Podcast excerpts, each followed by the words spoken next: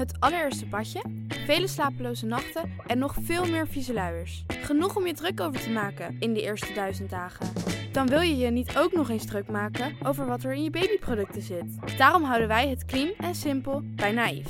Met zachte verzorging voor de gevoelige babyhuid. Zonder microplastics, minerale oliën en alcohol. Zo zorgen we niet alleen voor je baby, maar ook de wereld die ze hun thuis noemen. For your baby's baby's baby dus. Naïef. Hoe komen we toch bij het idee dat Taylor Swift gewoon een meisje met een gitaar is? Ja, dat klopt natuurlijk niet. Er zit een heel team achter, plus een familie die heel veel geld in haar carrière heeft geïnvesteerd. Maar wie zijn die mensen en waarom horen we zo weinig over ze? Heb jij ook altijd al willen weten wie Tree Payne is en waarom Jack Antonoff zo belangrijk is voor Taylor's carrière? In Taylor's era duiken we erin en leggen we het je uit. Wie zijn de mensen rondom Taylor Swift en hoe belangrijk zijn ze eigenlijk? Luister nu naar Taylor's era op Podimo en Spotify.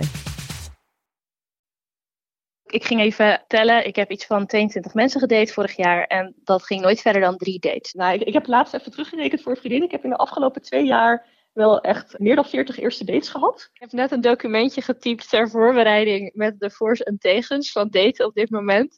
Ik kwam op één voordeel en op 20 nadelen. Ik heb gewoon 10 dates in de planning staan in de komende twee weken. Welkom bij VSR, voorheen Schaamteloos Randstedelijk. De podcast over alles dat je wel bent, maar niet wil zijn. Mijn naam is Doortje Smithuizen, tegenover mij zit Perre van der Brink. En zoals iedere week houden wij onze luisteraar een spiegel voor... en onderzoeken we de paradoxale relaties met de systemen om ons heen. Niemand vindt daten echt leuk. Nee, echt niemand. En toch lijkt iedereen erdoor geobsedeerd. Er zijn meer dating apps dan ooit waar we meer tijd op spenderen. Hoe kan dat? Vandaag onderzoeken we waarom we zo'n probleem hebben met single zijn. Maar eerst de actualiteit.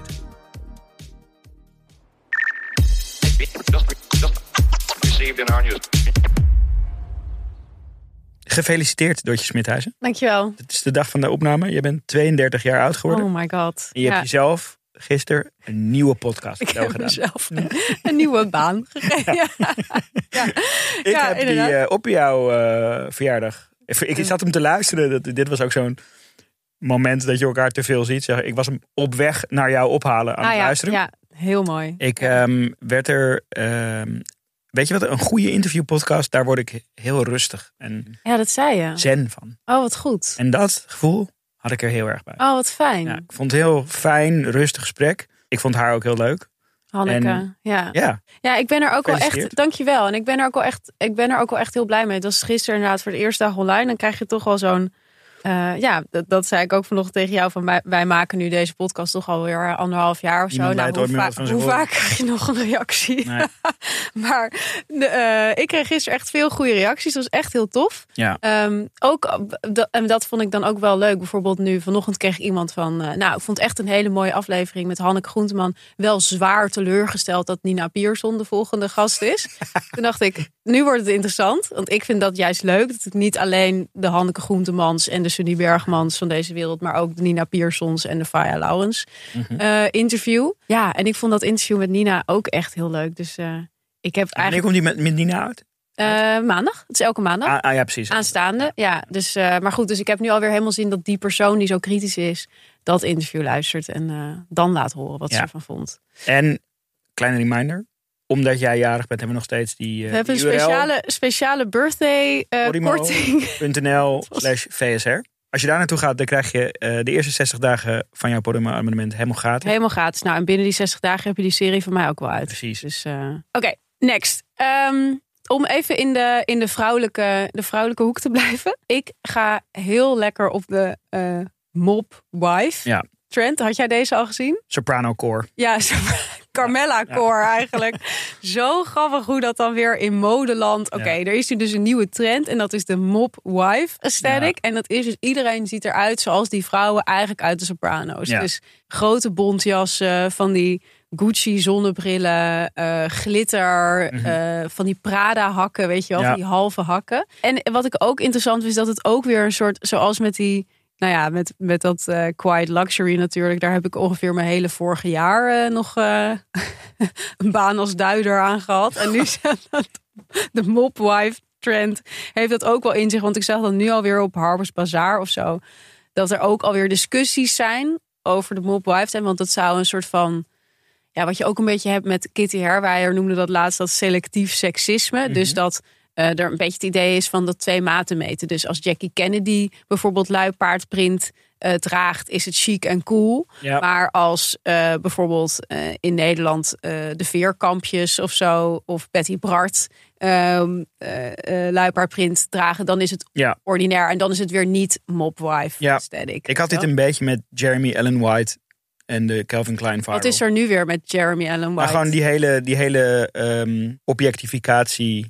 Dat is die gast van de Bear. Ja, dus die, die, die gast die in zijn onderbroek, die gewoon Jij super vond dat zo irritant. Of- Ja, gewoon meer, ik, ik- dat vond ik nou een soort, soort selectief. eh, ja, ja, selectief wokeness of zo. Ja, dit, dit, dit, dit- als dit een vrouw, als je die op die manier objectiveert. Ja, nou dat was Ehm, letterlijk zo met FK Twigs. Ja, maar dat, Was, dat was veel artistieker. Ja, Dat, dat was. een hele vette shoot. Ja, en, en, en zij, eh, dat is gewoon kunst. En dit was gewoon een soort soft porno. Ja. Weet je, dat, dat, dat is iets heel anders. En dat, dat, dit was, hier stonden alleen maar reacties van, yes chef. Ja, maar dit, is, maar dit is zo grappig, want nu heb je hem toch de actualiteit ingecatapulteerd. Je hebt het al een paar keer geprobeerd, maar Timo en ik hebben net iets van, wat maakt het uit? Waarom is het erg dat hij in zijn onderbroek op een ad staat? Nou, omdat ik dat dus, dat, dat, dat vind ik Kitty Herwijs punt van selectief feminisme, Seksisme. seksisme. Nou ja, haar punt was vooral dat, ik, dat bijvoorbeeld, eh, eh, waar we het ook over hadden eh, vorige keer, bijvoorbeeld over die misogynie online en zo. Dus dat als mensen eh, bijvoorbeeld als Kaag of Halsema heel veel haat over zich heen krijgen, dan is iedereen heel verbolgen daarover en vinden dat heel erg. Maar bijvoorbeeld iemand als Barbie. eh, uit OO Gerso, Mhm. die heeft des, eh, dusdanig veel haat over zich heen gekregen dat ze zelfs een suïcidepoging heeft Ja. gedaan. En daar hoor je eigenlijk nooit over Ja. uit feministische hoek. En dat zit ook een beetje in die, in die, in die mob-wife trend. Zo van, een mop, mop-wife trend is leuk als je zeg maar... Als je, als je zeg maar Dua Lipa bent. Maar als je daadwerkelijk een mopwife bent, Ja, is het minder vet. Zolang het aspirationeel is, verdedig Ja, je zolang het. het ironisch is of zo. Dus. Ja. Het is Ca- Carmella appropriation. Precies, eigenlijk. het is mop, ik maak me helemaal klaar voor een jaar over deze trend te plaatsen. Talkshows. Ja, We kunnen gewoon bellen. wel me. Ja. Ik was ook heel benieuwd wat jij vindt van ehm, deze trend in New York, denk ik. Ik heb het uit New York Magazine. Ehm, Ja. De Mental Health Day. Mogen jouw kinderen wel eens thuis blijven omdat ze zich gewoon, omdat ze het gewoon even niet voelen? Ja, maar kijk, dat is, dit is natuurlijk A, heette het vroeger gewoon schoolziek. Ja, school. Dat heet nu Mental Health Day. Ja. En dat wordt dan een soort van, daar wordt een ding van gemaakt. Mhm. Ik heb dat stuk ook gelezen. Ja. Ehm, eh, ja, ik denk dat, ik, ik, ik was eigenlijk best wel, want in het stuk wordt de take gemaakt. Ze beschrijven dus dat het is sowieso best wel een TikTok-trend. Dus dat Mhm. ouders op TikTok zetten van... ehm, I could tell my son needed a mental health day. En dan zie je zo'n jongetje zo uit het raam staren. En daarna zie je zo'n moeder dat kind meenemen naar Dunkin' Donuts en Starbucks en weet ik veel. Dat ook gaat ja, posten. ja, ja, en dan gaan mensen helemaal van... eh this saves lives en zo. Mensen zijn daar heel positief dan. Het gaat heel hard op TikTok. Maar hebben ze dus ook een onderzoek gedaan eh, onder duizend eh, Amerikaanse ouders. En 56 daarvan laten hun kind dus thuis blijven als ze zeggen van... ik voel me overprikkeld of ik voel me... Mhm. Nou ja, kijk, ik- zou op zich, als mijn kind dat aangeeft, dat is wel eens gebeurd. Dat is, dat is gewoon, dat is het echt niet voelen of zo. Mhm. Ja, prima als ze dan een keer een dagje te- vrij maken. Maar ik zou dat niet soort van stelselmatig eh, doen. En je zou het ook niet op TikTok zetten misschien. Dat sowieso niet. Echt, een, echt walgelijker kan niet. Ehm, dat je ook je kind gaat filmen terwijl die zo Ja, depressief uit het raam ja, zit te ja. kijken van hoe, hoe haal je het in je fucking hoofd? Eh, maar ehm, als je het zo, want dat is het, het punt wat dat stuk volgens mij maakt. Als je er een soort concept van maakt, dan wordt het een soort self-fulfilling prophecy voor die kinderen. Je Nou, gaat eigenlijk school framen als een plek waar het onveilig is. Nou, dat zeiden Eh. dus ook. Die, die, er kwamen dan in dat stuk op New York Magazine een aantal psychologen aan het woord. Die zeiden ook van dit is zo contraproductief. Precies. Want kinderen hebben dan eigenlijk gewoon geen zin om naar school te gaan. Misschien omdat daar iets speelt of weet ik Ja. veel. En dan hou je dat kind ernaar thuis, waardoor ze nog minder zin hebben om naar Exact. school te gaan. Dus geef je kind gewoon, als hij schoolziek is, een keertje vrij. Ja. Maar je gaat niet zo op die manier framen. En hou gewoon na school die Dunkin' Donuts of whatever. En haal die telefoon in je zak als, als dit kind depressief uit het raam zit te kijken. Sla een arm om hem heen. Zo, nou, iedereen weet weer wat hij moet doen. Goed nieuws heb ik. Eh, goed nieuws voor Gen Z'ers. Vertel. Ehm, eh, de millennial, ja, dus zeg maar de wens om een huis te kopen is voor heel veel millennials natuurlijk gaandeweg de afgelopen jaren verdampt.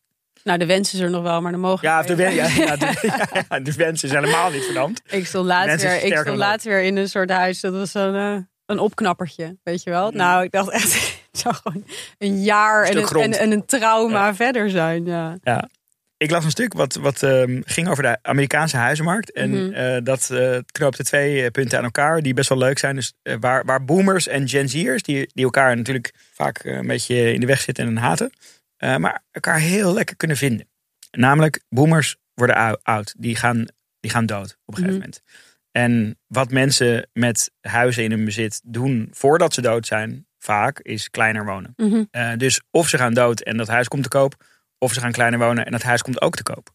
En omdat er eh, best wel sprake is van een vergrijzing, Mhm. gaat die huizenmarkt dus veel meer aanbod krijgen. Want als je kijkt naar hoeveel huizen of hoeveel waarde in, in de huizenmarkt in Amerika in bezit is van verschillende generaties, dan heb je boomers bezitten 19 triljoen aan real estate. Dit is in Amerika. Ja, Amerika. Ja. Eh, Gen X'ers 14 triljoen en millennials 9 triljoen. Dus Wat dat is een triljoen? Is Ja, het een miljard? Duizend miljard. Oh my god. Eh, een triljoen is een 1 met 18 nullen. Dus eh, eh, ik geloof een miljoen tot de derde macht. Kan Dus echt een ongelooflijk. Ja, we moeten gewoon alleen maar kijken naar Heel veel. 19, 14 Heel en veel. 9. Ja, ja, ja. dus verreweg de meeste eh, real estate is in het bezit van boomers. Mhm. Die gaan dood of zijn kleiner aan het wonen. Er komt heel veel aanbod. Dat noemen ze de silver tsunami. Ja. Heerlijke, Ja. heerlijke Ja, term. in. Ja. Ehm, en ehm, dat gaat gebeuren. Dus, die, dus dat aanbod gaat stelselmatig groter worden. Precies op het moment dat Gen Z'ers in hun prime huizenkoopfase gaan zitten. Dus dat wordt een, eh, dat wordt een heel fijn moment. Maar wat is wat wordt dit? Dit, dit wordt Nou, gewoon een. Dit het- idee het- is dat. Maar sorry, maar mag ik dan even namens de millennials zonder koophuis zeggen? Waar blijven die? Nou, die kunnen dan ook een huis kopen natuurlijk. Eh, maar het is, het is meer, qua momentum komt het het gunstigst uit voor de, voor de Gen Z'ers. Omdat Ja. zij dan in hun early 30s zijn. Ja. En dan kunnen zij eigenlijk precies in die fase, wordt die markt overspoeld met aanbod. Maar denk je dat ik hier nog nooit over na heb gedacht? Wat? Dat dit, dat dit is hoe het zal gaan. Ja, dus je moet nog even geduld hebben. Je bent vandaag 32 geworden. Geef het nog een Ja, jaar ik of... eh, geen- gewoon weer geen Gen Z'er meer. Kunnen we niet zeggen. Nou goed. Maar ik vond wel een mooie, een mooie paar datapunten leuk aan elkaar geknoopt. Ja, prachtig. Ik heb nog een tip. Leuk. Een eh, account, een obscure account. Heb ik al lang niet, lang niet gedeeld. Nee, het wordt tijd dat je weer een. Oh, maar deze heeft al veel volgers, zie ik. Ja, maar het is wel een soort niche, Oké. vind ik. Het is een, een man die ongelooflijk veel verstand heeft van leer Ja. en eh, craftsmanship in- Mhm. op dat gebied. En eh, wat hij doet, is dat hij ehm, filmpjes maakt waarin hij tassen, eh, ja, voornamelijk accessoires van, van Ja. high fashion huizen, ja. Leatherware of zo noem je dat. ja precies, Ja, ja. Dat hij dat uit elkaar gaat halen. Ja. En dat hij dan een soort oordeel geeft over of het, of het daadwerkelijk goed is. Yo, ik vind dit zo slim bedacht. Het is, zo, het, het is heel leuk om naar te kijken. Ja? Want, hij, ja, want hij kan ook nog leuk vertellen. Dus hij, hij, heeft het, hij, hij heeft het niet alleen over het product. Maar hij zegt ook van, nou, dit is... Maar snijdt hij het echt door? Ja, hij gaat het echt zo losmaken. En dan laat hij alle details zien.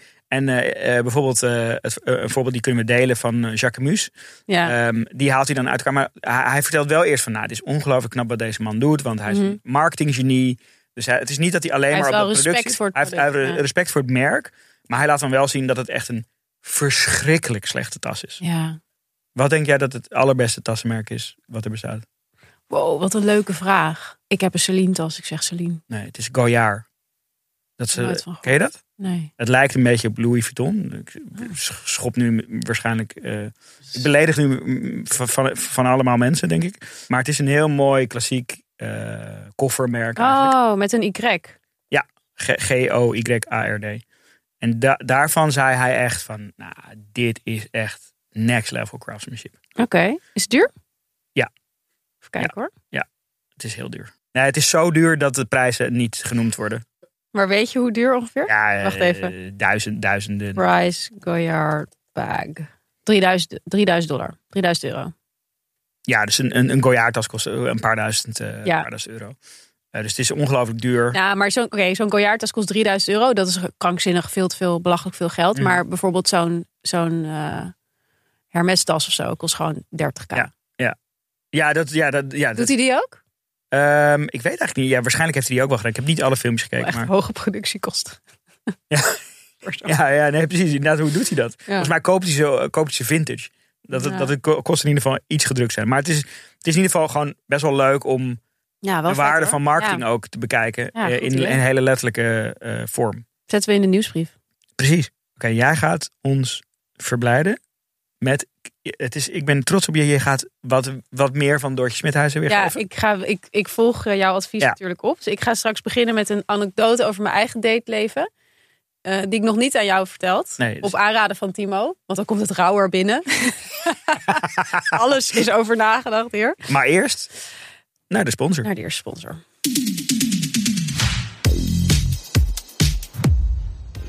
Ja, veel Nederlanders zijn natuurlijk bezig met eh, duurzame keuzes maken. Zeker onze luisteraars. Eh, we eten vaker vegetarisch. We reizen liever met de trein dan met een vliegtuig. We kopen lokale producten, et cetera. Eh, het zijn allemaal dingen die je kan doen. En die bespreken we ook in deze afleveringen. Maar ja, wat is nou nog een impactvolle stap die je kan zetten in de strijd tegen klimaatverandering? Dat is, nou, je raadt het nooit, bankieren. Uit onderzoek blijkt dat bankieren bij een groene bank heel veel impact heeft. Want de financiële sector is met haar investeringen natuurlijk eh, in onder andere ontbossing en fossiele brandstoffen een belangrijke aanjager van de klim- klimaatcrisis. Hebben we het ook over gehad natuurlijk toen we de aflevering hadden over pensioenen en pensioen, pensioenfondsen. En uit onderzoek blijkt dat Nederlandse financiële instellingen 1,3 keer meer uitstoten dan de hele Nederlandse economie bij elkaar. Dat is wel echt Dat is wel echt heel erg veel. Ja. Even, dit, dit is een, een, een onderzoek van Profundo in, in opdracht van Milieudefensie. Misschien goed om erbij te vermelden. Heel veel van die financiële instellingen rapporteren niet over een deel van die uitstoot van de bedrijven die ze financieren. En Triodos Bank is daarbij een uitzondering op de regel qua transparantie. Eh Triodos Bank laat precies zien welke partijen het financiert. En zo weet je als klant helemaal zeker dat je geld gebruikt wordt voor eh, goede verandering, positieve verandering. Start met fossielvrij sparen bij Triodos Bank. Ehm, en als je benieuwd bent wat Triodos Bank wel of niet eh, financiert... of hoe Triodos Bank een fossielvrije economie stimuleert... ontdek het dan via triodos.nl slash VSR. Een spaarrekening openen is gratis... en je hoeft er geen andere rekening te hebben eh, bij Triodos Bank. Die spaarrekening is eenvoudig te openen via een app... en je ziet de impact van het spaargeld in de app. Bijvoorbeeld hoeveel CO2-uitstoot is vermeden... of hoeveel biologische maaltijden jouw spaargeld mogelijk maakt. Beetje zoals als je stopt met roken, dat je ziet hoeveel sigaretten je al hebt bespaard. Inderdaad. Echt een goede, een, positieve nudge.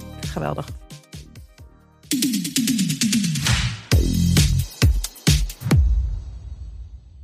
Drum rolls, please. Oké, here we go. Ik zat een keer in een restaurant. Tot nu toe niks geks aan de Nee, hand. niks. Ik zat daar eh, met een vriendin en er zaten, zat een groepje mannen eh, verderop in het restaurant. Mhm. Bleken mijn vriendin te kennen.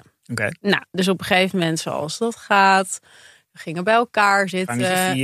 We raakten aan de praat en er was één man bij. En daarvan zei mijn vriendin dus al van, nou, die is vrijgezel. En dat vond ik echt een leuke man. Serieus. Daar heb ik toen buiten even een sigaretje mee gerookt. Dacht ik, wat een leuke vent. Nou, de volgende dag krijgt mijn vriendin een Mhm. appje van desbetreffende man. Mhm. Wat leuk om jullie te zien. En nou, ook wel erg onder de indruk van jouw vriendin. Ja. Eh, zou ik haar nummer mogen? Ja. Ik dacht van, wow. Wat dit, zei jij? Dit is hoe het gaat. Ja, ik zei, geef maar, het, maar. natuurlijk. Deze jongen appt mij. Mhm. Eh, nou, we beginnen een beetje te appen. Hoe Hartstikke lang zat er tussen dat, je- dat, dat jouw nummer gegeven werd en dat allemaal heel snel. Het ging echt binnen een paar, binnen, binnen een Straight half point. uurtje of zo. Ja, ja. Dat is ook een goed teken. Nee, ja dus, dus we, we beginnen te appen, was heel Ja. leuk. En ehm, nou, ik dacht natuurlijk wel een beetje van waar gaat het heen? En toen zei hij op een gegeven moment van Ja, luister. ja, je had geen flauw idee waar het heen ging. Nou ja, nee, dit, dit, dit, dit ging ik toen horen. Al vrij snel zei hij namelijk van luister, ja, waar wil jij in godsnaam naartoe? Ik, ik zei, dus van luister, ik vond het echt heel leuk om je te ontmoeten. En het lijkt me heel leuk om je nog een keer te zien. Maar ik ben met iemand aan het daten. Dus mag ik jou dan daarna appen? Hij zat in een Hij was- situationship. Hij was in een situationship en hij zei van mag ik jouw nummer bewaren voor na de situationship? Wauw. Had jij dan de- dat je zo puntje, puntje, puntje is eh, doortjes aan het typen? Oh nee, toch weer niet. Doortje gestopt met typen. Doortje stopt even met Ja. typen op zo'n moment. Laat hem even op zich inwerken. Nou ja, ik, ik, Wat ik- zeg je dan? Nou, ik zei eerst niks. Want ik ging natuurlijk eerst al mijn vriendinnen appen van... wat de fuck? Ja. En toen zeiden eigenlijk al mijn vriendinnen van... oh ja, nee, dit is heel normaal hoor. Dit doe ik ook. Ja, en zelfs vriendinnen zeiden, oh, dit vind ik echt heel goed. Dat hij zo Hij eerlijk Dat hij zo eerlijk is. Ja. En, dat hij, en dat hij niet met twee mensen tegelijk gaat daten. Dus ik was eigenlijk gewoon... Nou, dus ik heb uiteindelijk maar iets teruggegeven van... ehm, nou, oké. Precies. Oké, of zo. Nee, ik zei van, ja, p- prima. Ja, Maar, eh, en eh, was het gesprek toen afgelopen? ja eigenlijk wel. Ja, eigenlijk wel. Oké, Ja, tot, oké, eh, oké, tot ziens. maar la- la- toen appte hij dus, echt een paar maanden later, van, eh, ja, sta je er nog voor open? Wow. En ik dacht toen inmiddels van, ja, kennelijk is dit, is dit hoe het gaat. Dus ik zo, ja, oké, weet je wel. Dus toen gingen we op, op een date. Mhm. En eh, nou, dus hij stelde dan ook wel meteen een plek voor en een, en een avond. Mhm. Best wel specifiek ook. Ja. Ik echt, echt, echt, echt, zeg maar, ik mocht uit twee cafés kiezen en was echt zo'n window. Dus van zeven tot negen gingen we iets drinken, s'avonds op een woensdag. Dat is wat ze Dus was een, eh, Dat was het hij, voorstel. hij, dat was daar, hij had ja, ervaring. ik- had- nou, precies. Ja. En toen kwam ik daar ook. En aan alles voelde je gewoon, ook aan hoe die afspraak, dacht ik, jij doet dit vet Ja. vaak. en eh, ja. noem me even een paar details waar, waardoor je dat voelde. Nou, alleen al dat café. Ja. Het was echt zo'n heel vaag café, weet je wel, waar je ook niemand tegenkomt. Ik dacht van, volgens mij zit jij hier gewoon elke week met een chick. Wat voor café was Ja, het? dat zeg ik niet. Ja, ik, kijk, ik kijk. wil daar zelf misschien nog een keer. Ja. Nou, en gewoon hoe het gesprek ook ging. Ik vond het bijna een soort sollicitatie. Heel snel meteen vertellen over zijn jeugd en zo. Dat ik zat van, oké, ik hoef niet per se meteen te weten over je moeder. En eh, oké. Mhm. Nou, en toen was het ook eh, klaar. Het ging dus weer naar huis. Toen appte hij ook meteen hoe hij het had gevonden. En dat hij wel open stond voor nog een date. Ah, ja. Ik dacht echt van, jezus. Een soort Alsof van, het in een soort CRM-systeem klaar stond van... Ik weet niet wat een CRM-systeem Ja, dat het geautomatiseerd... Dat, je, dat bijvoorbeeld van Ja. app doortje na soort 30 van, minuten na je bent thuis door naar de volgende Ja, precies. Zo, ja. Ja, we willen graag nu dat je zo'n assessment gaat Stemming positief. Zo voelde het heel erg. Nou, dus ik had zoiets van. En nog steeds was ik een beetje van. Ja, ik vind het allemaal een beetje raar. Maar ook omdat het allemaal Ik vind jou heel coulant in deze situatie. Ik ook. Nou, dus toen ook omdat al mijn vriendinnen ook zeiden van. Ja, nee, dit is echt hoe het gaat. Dit is gewoon daten. Dus ik zo, nou oké. En toen maakten we dus een afspraak voor, weet ik veel, twee weken later. Om Mhm. nog een keer een biertje te drinken of zo. Ook lang ertussen. Ja, Hoeveel dates ga je dan daartussen dan weer? ja, misschien moet hij daartussen weer. Ja, I don't know. Oké, toen gingen we dat doen. En toen merkte ik al dat hij mij daarna best wel vaak zat te appen. Dus gewoon met random. Dan had hij iets in een krant gelezen, ging hij dat appen. Ik ben gewoon heel slecht in appen eigenlijk. Of in small talk via de app. Ik kan dat gewoon niet. Dus ik, ik- ja, ik zat dan steeds een beetje van, oh ja, vet. Of zo. Of dan vergat ik te reageren. Of weet je. En ik dacht ook een beetje van, ja, ik zie je toch over twee weken. Zeg maar, waarom moet ik nu de hele tijd soort van tussendoor van, leuk, vet. Oké, ja. Nou, en toen op een gegeven moment ja, stopte hij daar ook mee. Nou, toen was dus die dag van die tweede date. ik, ja. Ja, maar sorry, ik hoef hem toch niet de hele tijd te entertainen. Maar dit hoor ik, dit zeiden ook, al mijn vriendinnen Oh, zeiden dit- ook, ja, dit is wat mannen willen. Die willen een penvriendin.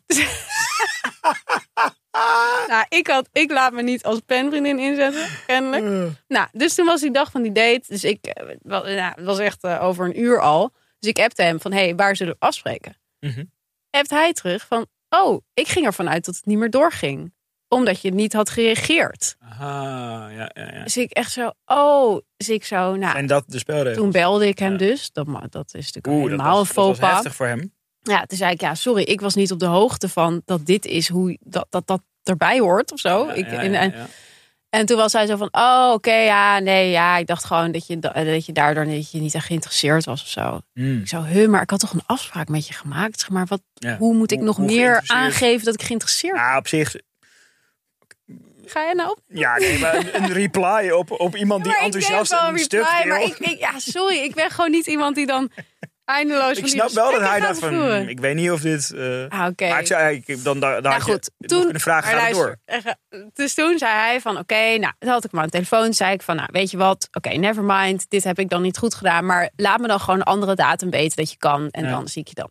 Ik hang echt aan je lippen trouwens. Nou. Ik hoor weken niks. Ja. Hij laat gewoon niks van zich horen. Dus ik dacht gewoon, nou, ik ben gewoon, ik ben gewoon geghost. Ja. Toen? Kunnen ook dit, dat dit gewoon de is aflevering gewoon is. dat hierna is gewoon klaar. Dit is genoeg. Ik heb genoeg geleverd hierna. Toen hebt hij mij in één keer, nou, ik denk zonder overdrijving, na vier weken of zo, weer van: hoe zit je donderdag? Ja. Echt zo ook. Alsof we de hele tijd elkaar... En alsof hij mij niet na dat telefoontje gewoon totaal had Maar ik denk wel dat hij in de war was van jouw communicatiestijl. Dat hij dacht van, ja, hij heeft denk ik waarschijnlijk, ja, ik denk dat hij heel lang heeft nagedacht oké, hoe ga ik nu weer het gesprek beginnen? Zij houdt niet van eh small talk. hoe zit je eronder? Ja, ik, ik, ik snap Nou ook deze wel. Maar ik dacht toen echt, sorry. Als je zo, eh, zeg maar... Ik had gewoon die date in mijn agenda die hij gewoon, waar Ja, hij gewoon ja. overheen had gepland. Ik had gebeld, gezegd van, Mhm. nou, plan dan een. Nou, toen had hij weer, toen had ik echt zoiets van, oké, yo, dit werkt niet, weet je wel, Mhm. never mind. Dus wat ik hiermee probeer te zeggen is, toen ik die gast ontmoette, was ik zo van hem onder de indruk. Ik vond dat zo'n leuke, aantrekkelijke, interessante jongen. Ja. Zodra we die datefuik ingingen, Ja. whatever it is, dacht ik echt. Nou ja, eigenlijk wat je, wat je zegt is dat je, jullie zijn nooit meer teruggegaan naar, Naar- het gesprek waarom je elkaar leuk vond. En, en gewoon helemaal in die soort van lost in whatever die omgangsvormen dan zijn. Nou ja, dus uiteindelijk zou je kunnen zeggen, heb ik hem dus geghost. Want toen Ah, ik, ja, ik heb hier geen zin meer in. Sorry. Ik ga Heeft hij daarna nog een keer een leuk stuk gedeeld of zo? Of niet? Nee. die keek wel uit natuurlijk. Waarschijnlijk luistert hij wel. Dit alles. ik vond het echt een leuke jongen. Dat wil ik echt gezegd hebben. Ja. Ik vond het echt een leuke jongen. Ja, ik, ik snap wel een deel van zijn. Ik snap niet zeg maar dat hele etiketten ding. Nee, ik Da- ook niet. Maar dat was mee. waar dit misging. Dat ik Ja. gewoon, ik ben nooit in die datewereld. Ik begreep die, ik begreep dat niet. Weet ik veel dat je inderdaad moet reageren. Nou, anyway. Ja. Wat we hiermee willen zeggen Leuke is, intro.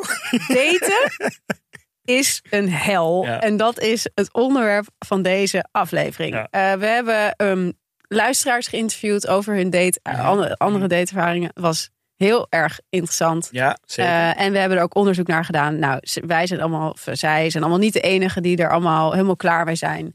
Er is sprake van fatigue. date fatigue en date burn-out. Maar echt, ik zie het ook heel erg om me heen. Dus mijn vriendinnen, my god, echt wat die doorstaan Ja. in, het, in, de, in de loopgraven van de datewereld is echt. Nou, ik vind soms echt hoe. hoe, eh, noem eens, eh, kan je nou, dus bijvoorbeeld dat ghosten. Ja. Wat ik dan misschien ook heb gedaan. Maar dus ik heb echt vriendinnen die met een man op date gaan. Allemaal helemaal leuk, weet je wel. Misschien zelfs zoenen of seks of whatever. Mhm. Die gewoon drie, vier dates hebben. En het bewijs van spreken al hebben over de namen van hun kinderen. En dan in één keer nooit meer iets horen. Nooit meer. En dan eh, komt er dan nog een moment dat er een soort mea culpa komt. Nee. Dat je drie maanden later misschien zegt, eh, ik had iemand anders ontmoet. Nee, heel soms krijg je nog een berichtje van ja, sorry, ik ben weer met mijn ex. Zo, maar gewoon echt, ik vind dat zo grof hoe mensen met elkaar omgaan. Ja. Eh, maar ook bijvoorbeeld na één date, he- he- he- weet je wel, gaat iemand om date en dan krijgen ze meteen, je bent, bent net thuis, tien minuten later van, dan krijg je me- meteen een appje van, er wordt niks, doei. Ja. Als Echt, op meteen, echt een sollicitatie. Zo zakelijk en het heeft zo niks meer van kwetsbaarheid of op zoek zijn naar verbinding, maar echt een soort van bijna swipen in het echt. Weet Ja. je wel? Van Ja. ben jij leuk genoeg of eh, swipe ik weer door? Ja, Ik denk dat ik, ik, ik heb dus een soort van theorie dat dit, dat zeg maar de ehm, marktdynamiek van die datingmarkt, dus gewoon het venture capital spel wat achter de schermen gaande is, dat dat weer klinkt in het gedrag van mensen.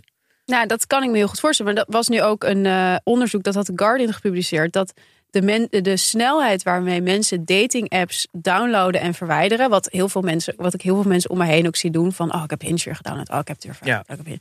Eh, dat staat op de tweede plaats na eh, apps waarmee je kan online gokken.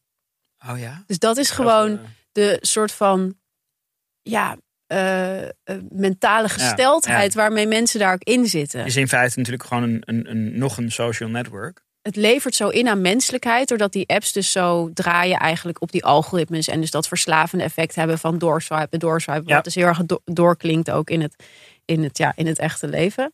Kennelijk komen er dus ook allemaal eh, nieuwe manieren om met elkaar om te gaan met dus woorden. Dus bijvoorbeeld benching. Dus dat iemand, wat eigenlijk met mij gebeurde. Afwegen. Nee, benching op de bank worden gezet. Zo van, Oh, benching. ik Ja, ben nu even niet Ja, ja, klaar voor jou, maar hierbij ben je even gebenched. Ja. Ehm, je hebt ook breadcrumbing.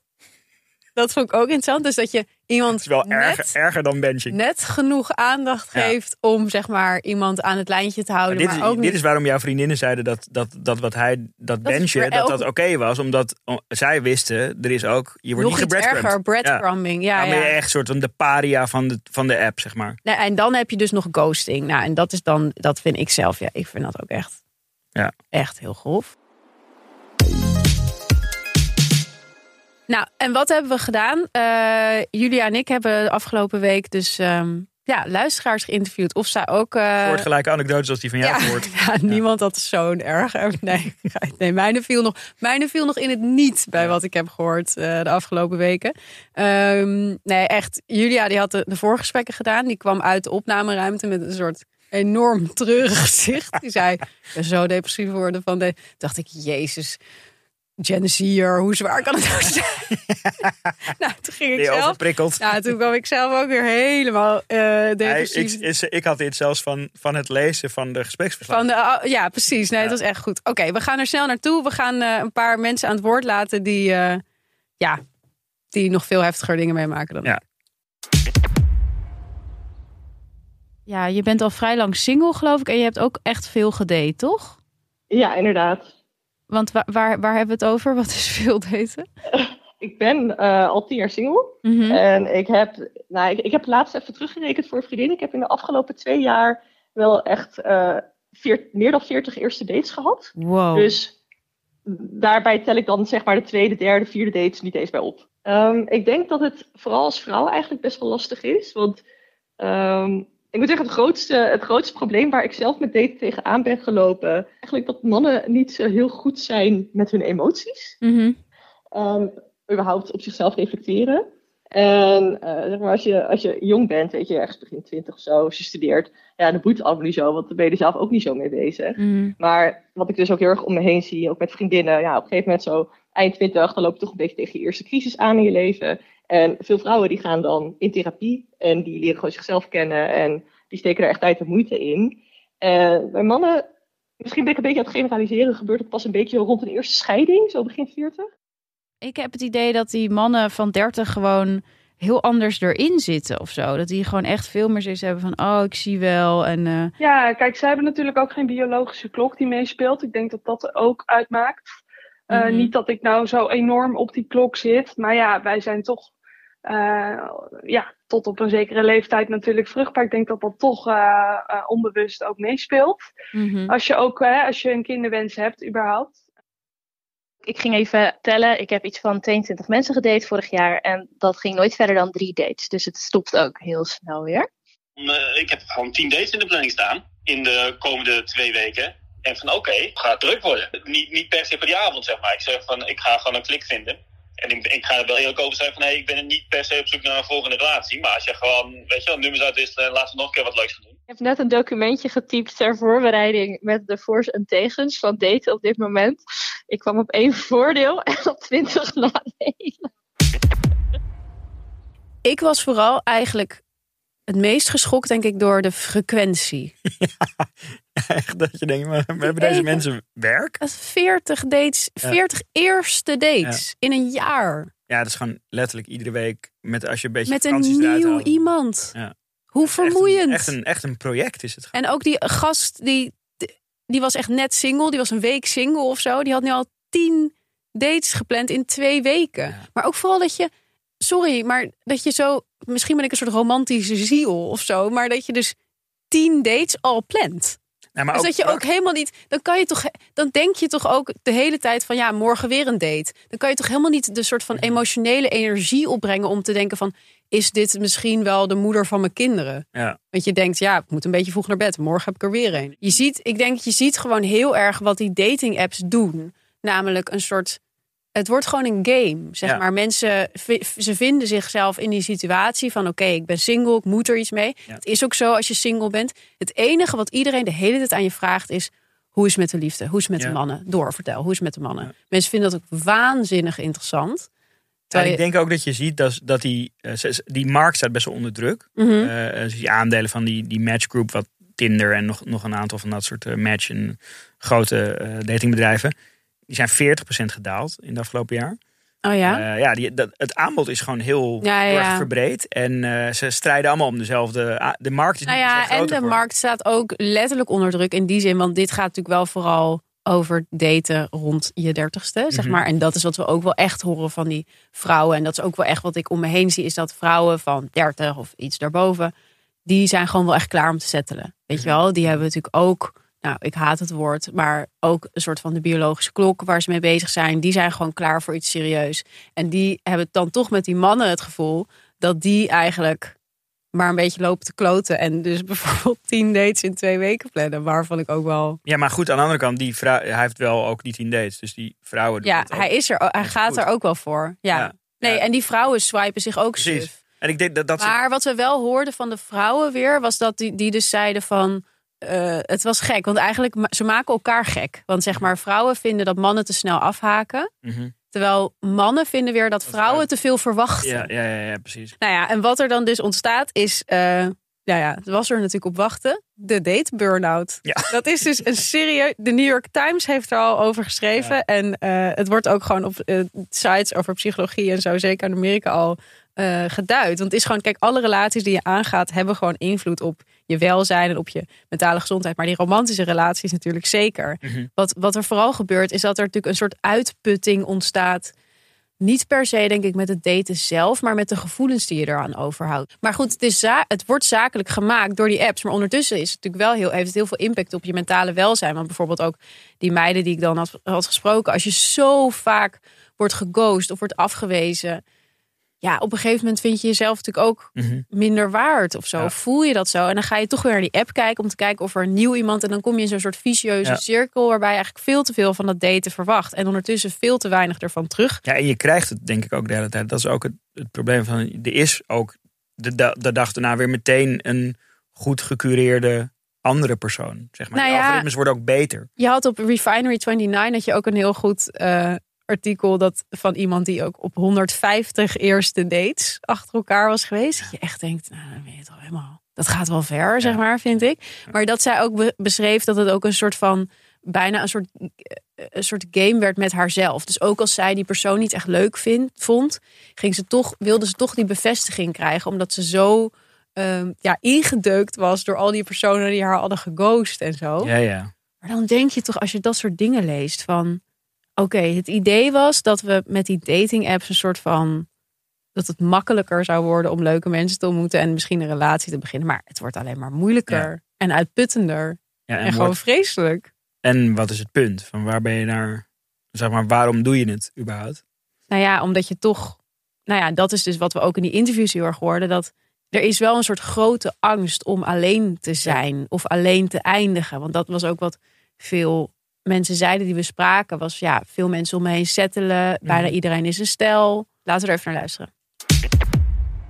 Ik begon met eh, dat er out of nowhere opeens een soort eh, druk uit de lucht kwam vallen. Voor mijn gevoel van eh, nu moet het of zo. Of nu, je hebt lang genoeg gespeeld, nu moet er wat serieus gebeuren. Nou, grappig genoeg, echt de maand dat ik 30 werd. In maart ging ik opeens insane veel daten. Het was echt anderhalf jaar daarvoor helemaal niks en heerlijk pijs en vrij rustig.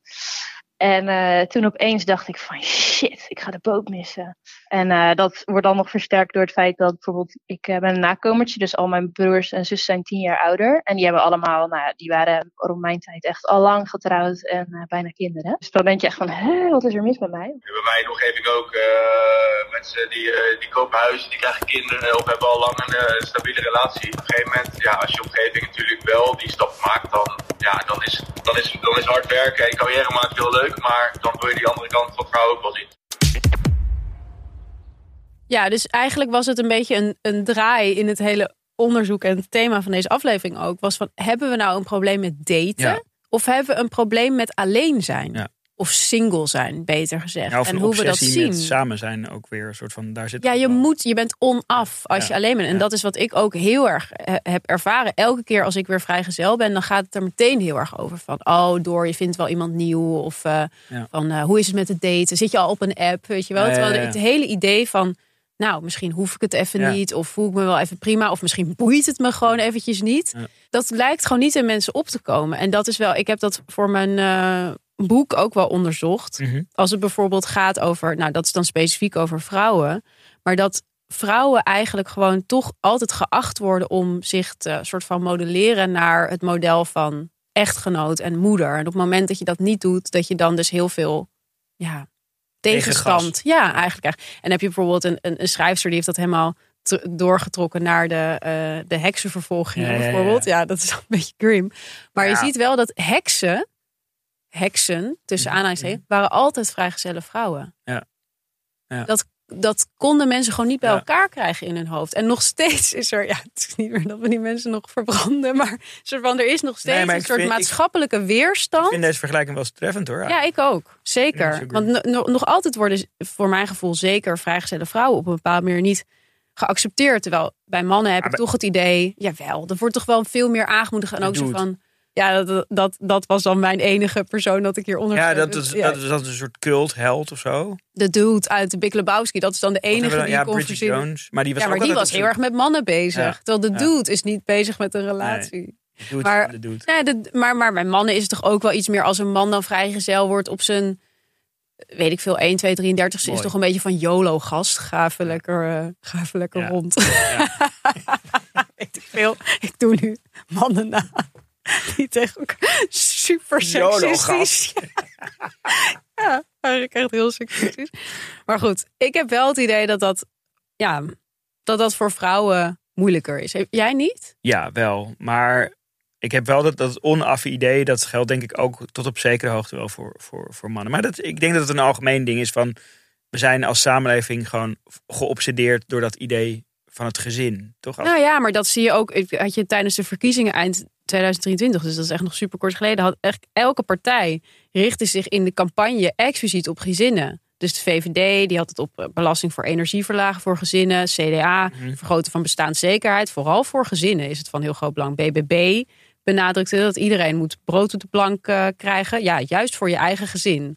Ja. Omzicht, makkelijke manieren voor koppels om aan een huis te komen. Maar niemand zegt Mhm. hey, hoe zit het eigenlijk met die alleenstaanden? Terwijl er zijn superveel eenspersoonshuishoudens in Nederland. Een single partij. Er zijn 8,3 miljoen huishoudens in Nederland, waarvan 3,3 miljoen één persoon. Ja. Ja. Zo bizar dat onze politiek dan nog zo gefixeerd Die is op... Ja, nou, dat, ik, ik, was dus ook iets dieper in dat idee van het gezin als ideaalbeeld gedoken. En ja, ik, ik, ik wist dit helemaal niet. Maar het, het idee van, van het gezin is, is nog helemaal niet zo heel Nee. oud. Eh, een soort eind 19e eeuw is dat pas een beetje opgekomen. Da- daarvoor voerde je een kind gewoon met z'n allen op. Ja, Heel gezellig vond ik dat. nou ja het, is, het is heel erg... Ja, goed. Eén weet groot vangnet. Het is Eh, heel kapitalistisch, het ja, precies. Omdat het gezin een soort doelgroep is. Je kunt Ja, dat specifiek targeten. Het gezin blijft consumeren.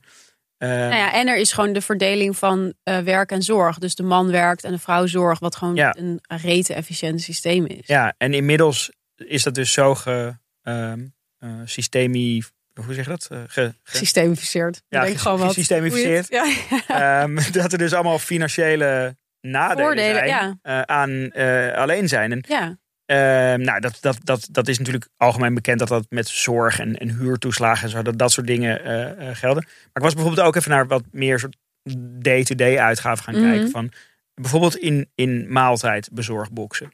Van ja, is Ja, kijken ons, wat dat, ons wel bekend. Ja, precies. Wat daar dan het verschil is tussen eh, als je hem voor je gezin bestelt en als je hem alleen bestelt. En, eh, omdat dat ook de propositie van die dingen is altijd van je, je, je krijgt wat je gebruikt. Ja, Dus dan zou de eenpersoonsbox. die moeten gewoon meer eten. Ja, die, die, zou, die, zou, die zou gewoon zeg maar. Gewoon letterlijk een vierde van de vierpersoonsbox Ja. moeten zijn. Nou heb je natuurlijk de bezorgkosten, die zitten er sowieso Ja. bij. Dus die is al relatief duurder.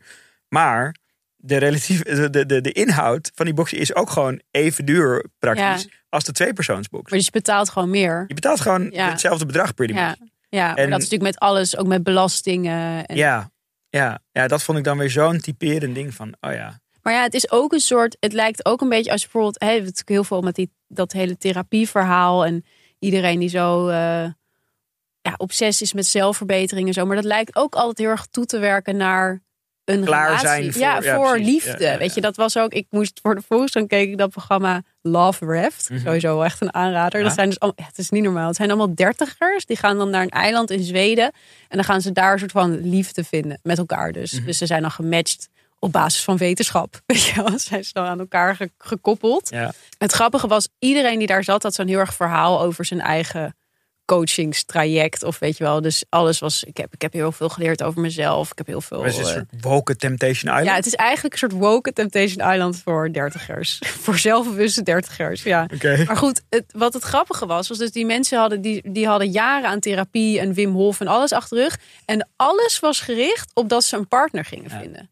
Dus dat je denkt, dan gaat er toch iets mis in die therapie als het allemaal zo gericht is op het vinden van iemand anders die jou compleet gaat maken. Terwijl, waarom ben jij niet genoeg gewoon? Ja.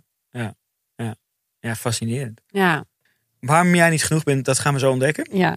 Maar eerst gaan we naar sponsor 2. En daarvoor draaien we 180 graden. Ja, want Achmea heeft een nieuwe podcast geproduceerd. Die heet 180 graden. In die podcast gaat host Charit Alles Uppelschoten. Zij gaat in iedere aflevering op zoek naar een nieuw perspectief op een specifiek maatschappelijk vraagstuk, zoals klimaatverandering, eenzaamheid of geluidsoverlast. Ook belangrijk. Ehm, en ze neemt je als luisteraar mee op zoek naar mogelijke oplossingen en antwoorden in al die problemen en dilemma's. En de eerste aflevering gaat over eigenlijk waar deze aflevering ook over gaat. Ja, het dertigersdilemma. het dertigersdilemma. Wat is nou eigenlijk het dertigersdilemma? Ik heb wel het idee dat het nog speelt in die zin dat mensen nog steeds, dus dat zie je ook in dat daten, dat er zo'n hele optimalisatie is. Dat mensen Mhm. toch denken dat ze rond hun dertigste alles gefixt moeten hebben of zo. Dus werk, huis, relatie. Ja. Alles moet perfect zijn. Dit is dus het dertigste dilemma wat, wat, wat aan jou knaagt. Mhm. En, Ja. Charit spreekt dus in die podcast met, eh met allemaal dertigers over dat dertigers dilemma. Haalt er experts bij. Het is echt best een goed, goed gemaakte Mhm. eh, podcast. Ehm, en het doel van Achmea om die podcast te maken is, is dat ze willen laten zien dat er ehm, in het bedrijf ook elke dag wordt nagedacht over die eh, maatschappelijke uitdagingen. En dat ze eigenlijk gewoon begrijpen waar jij zelf ook eh, tegenaan loopt op het gebied van duurzaamheid, wonen, gezondheid eh, en mobiliteit. Ja, het is eigenlijk gewoon waar VSR ophoudt, gaat Achmea verder. Precies, zeggen. precies. En om daar echt impact te maken is talent dat ergens voor wil gaan onmisbaar. Een baan bij Achmea staat dus voor zinvol werk. En lijkt dat je wat en wil je weten eh, hoe het is om te werken bij een van de grootste financiële dienstverleners van Nederland? Kijk dan op werkenbijachmea.nl of luister de podcast 180 graden in jouw favoriete podcast app.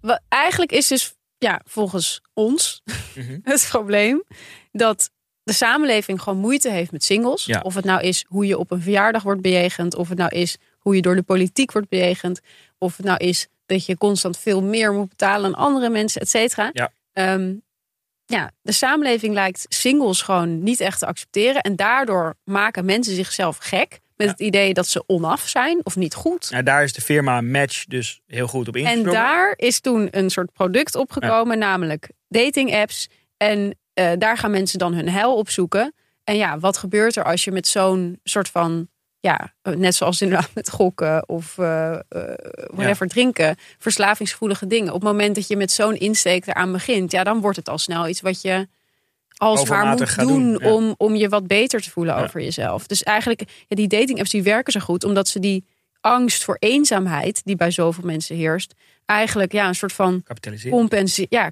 compenseren en kapitaliseren met een soort game Ja. die je uiteindelijk alleen maar eenzamer maakt. Waardoor je weer vaker op die app gaat. Ja, en, En het- waardoor je elkaar ook beschadigt. Want daardoor ga je die, ook... die gokvergelijking is eigenlijk wel geinig. Want Ja. het zegt toch over, over het casino is, is toch uiteindelijk van het huis wint altijd. Of zo, toch? Van, Ja. Is eigenlijk met die dating is. Van uiteindelijk kom je terug. Tinder wint altijd. Precies. En you, Het huis you are lonelier. Ja. Ja. nee, maar dat is het echt. Dus ik denk dat dat aan de hand is. En ik denk daarnaast dat we dus ook echt gewoon nog steeds veel te veel op die romantische relaties zitten. Dat we eigenlijk toch van de, nou ja, het daten of, of, of de relatie die daaruit voortkomt, toch het idee hebben dat dat al, al je problemen en al je negatieve gevoelens moet oplossen. En dat is ook, Esther Perel heeft het daar ook vaak over. Ehm, hij, zij noemt dat volgens mij ook romantisch consumentisme of zo. Dus het idee dat je dus eigenlijk als een soort consument naar die relaties kijkt van... dit moet alles voor mij fixen en ook die ene persoon moet alles voor mij zijn. Ja. Waardoor vaak mensen die in relaties zitten... bijvoorbeeld hun vrienden best wel verwaarlozen... zichzelf ook bijvoorbeeld niet, niet meer echt alleen hobby's of zo eh, gaan onderhouden. En dus ook, eh, ja, wa- waardoor je ook vaak ziet van, eh, dat mensen echt zo van relatie naar relatie rennen. Weet je wel, Ja. omdat er voor hun gevoel daarbuiten niet zo er- erg veel is. Er is die situatie waarin gewoon je relatie alles voor je moet zijn. Dat is gewoon eigenlijk helemaal niet zo gezond. Nee. Nee, wat dat betreft vond ik dat stuk dus echt heel leuk over dat gezin. Van dat, dat, dat, ging dan wel over, over hoe je voor een kind zorgt. Maar Mhm. het idee dat je dat dus met z'n allen deed of zo, eh, is hier toch ook op van toepassing. Dat je, Ja, je, je- je- het is niet zo dat één persoon jou moet helpen met al je alles. en, ja. perfect moet kunnen luisteren eh, over alles. Oh, mijn vriendin gaat zo blij zijn dat ik dit nu zeg. Dit ga je nog wel horen. Ja, deze terug. Eh, maar dat is wel echt zo gewoon. Ja, eigenlijk van dat hele verhaal van je moet eerst van jezelf houden, bla bla. Dat zouden we eigenlijk moeten omdraaien naar. Je moet eerst gewoon zelf zorgen dat je je minder eenzaam voelt, hoe moeilijk dat ook is. En ik besef ook echt dat dat niet voor iedereen even makkelijk Ja. is. En dat, dat eenzaamheid gewoon een heel groot probleem is, een steeds groot probleem. Maar dat je misschien niet moet verwachten dat dat opgelost wordt door een nieuwe hinge date. ja. Het enige wat we wel niet benoemen, bedenk ik me nu, is dat niet iedereen is even sociaal begaafd. Ja. Eh, en als je gewoon iets onhandiger bent, dan kan zo'n dating app eigenlijk misschien juist wel jou in staat stellen om een band op te bouwen met iemand. Oh nee, maar ik denk ook echt dat een, dat, een, dat een dating. Ik denk ook dat het heel goed kan zijn. Dat, Ja. het, dat het heel veel voor mensen kan oplossen. Maar ik denk dat we er gewoon een beetje in doorslaan. Ja, ja, en dat we de algoritmes eigenlijk meenemen in ons gedrag. Ja, de vraag is natuurlijk een beetje hoe los je dat nou op? Mhm. Hoe, hoe zorg je dat mensen die app een beetje. Eh, Hoe de-escaleer je je, ja, een, een, be- een gebruik? beetje met beleid gebruiken, zeg maar. En ik zat te denken, ik heb gebruik OneFit, die app. Mhm. En het liefst wil ik natuurlijk gewoon altijd naar Rosecycle. Ja. Ehm, maar dat mag niet van OneFit. Want je mag maar vier keer per maand of zo naar Rosecycle. En daarna moet je dan allemaal andere dingen gaan doen. Ja. Ehm, dacht, misschien moet zo'n date-app zou dat eigenlijk ook kunnen doen. Dat je gewoon per week maar één date mag. Of per maand Mhm. twee dates. Mhm. Dat, maar ja, goed, dan gaat die app natuurlijk dus tegen zichzelf inwerken. Want mensen willen natuurlijk Ja, de hele is, tijd dates. dat maar is dus het. ik zou dat vet vinden. Ja, maar dat, je, hebt een, eh, je hebt een dating app die eh, alleen op eh, Ja. woensdag, Nee, Thursday. Thursday, donderdag. sorry, ja, donderdag werkt. Dat is op zich een stap in de goede richting. Maar ik vond het een superleuk idee. En zij hebben ook echt goede ads en zo. Maar ik denk van ja, wie, die gaan nooit financiering kunnen, kunnen, kunnen ophalen. Nee? Ja, van ja, ze hebben, als het, het, het, het is een attention economy, toch? Van, Ja, het, nee, maar dat, dat is het. Gewoon het welzijn van de mens wordt nu beperkt doordat ze zichzelf de hele tijd weer naar dat swipen Ja. getrokken voelen. ja, En dat op elkaar afreageren. ja, ja de, eh, eh, zodat zij de, de, de, de, de winstgevendheid van match en, en, en al Ja. dat soort. eh, ik zou dat bedrijven- vet vinden als een app dat zou doen. Maar goed, daarvoor dus eigenlijk zou ik zeggen van laten we toch scherper zijn op hoe we naar single zijn kijken. Mhm. En misschien niet aan elkaar vragen meteen als iemand single is van oh, hoe is het met je dateleven of ben je aan het daten. Ja. Maar misschien gewoon hoe, hard met- heb jij gechilled deze week? Nou, of gewoon hoe is het met je vrienden? Doe je leuke Ja. dingen? Heb je een leuke hobby Ja. of zo? Er zijn toch zoveel meer Ik vond dingen. de- daar, daar hadden we het voor de aflevering. De, de, de vraag van dat niemand je ooit vraagt. Iedereen vraagt je hoe is Hoe het is het met de vrouwen of hoe is het met je relatie. Niemand vraagt je inderdaad hoe, hoe is het met je vriendschappen. Of, ja, dat is een goede vraag. Om heel goede vraag. Want dat is echt goede vraag voor tijdens een date. Ja, ik denk wel dat dat veel zegt over je welzijn. Maar cultiveer inderdaad je, je, je, je alleen zijn. Net zoals dat. Ja, maar en dus ook naar anderen toe. Dus wees ook niet als mensen single zijn zo gefocust op en, en, en, weet je wel. Ja. In het kader van hobby's. Ja. Wij zijn enorm aan het hobbyen Mhm. met het hele team. We hebben een hele leuke aflevering voor volgende week gepland. Namelijk een aflevering over Nieuwe Dammerdijk. Ja. Ik kijk hier zonder overdrijven al vier maanden naar uit. Mhm, mhm. Timo heeft al een aantal dingen opgenomen. Die woont op de Nieuwe Dammerdijk. Dat is ook de aanleiding, zijn Ja. verhuizing. Ja, Ehm, ik heb er gewoond. jij hebt er gewoond, ik wil er wonen. Dat Ja. is eigenlijk eh, alle gevoelens die we erover hebben. En eh, nee, dus het wordt, het wordt een andere aflevering dan eh, normaal, denk ik, van ons. Op locatie. Ja. Op reportage. Ja. Ja, maar ik, ik, ik- ja, dit is ook echt iets wat we vaker willen gaan doen. Dus ik, eh, ik heb Beetje, een beetje in. een klein vormexperiment. Het is een vormexperiment. Hoe leuk. Stay tuned voor een vormexperiment. Stay, stay tuned. Nee. Nog één keer. Dus stay tuned voor ons vormexperiment. Tot volgende week.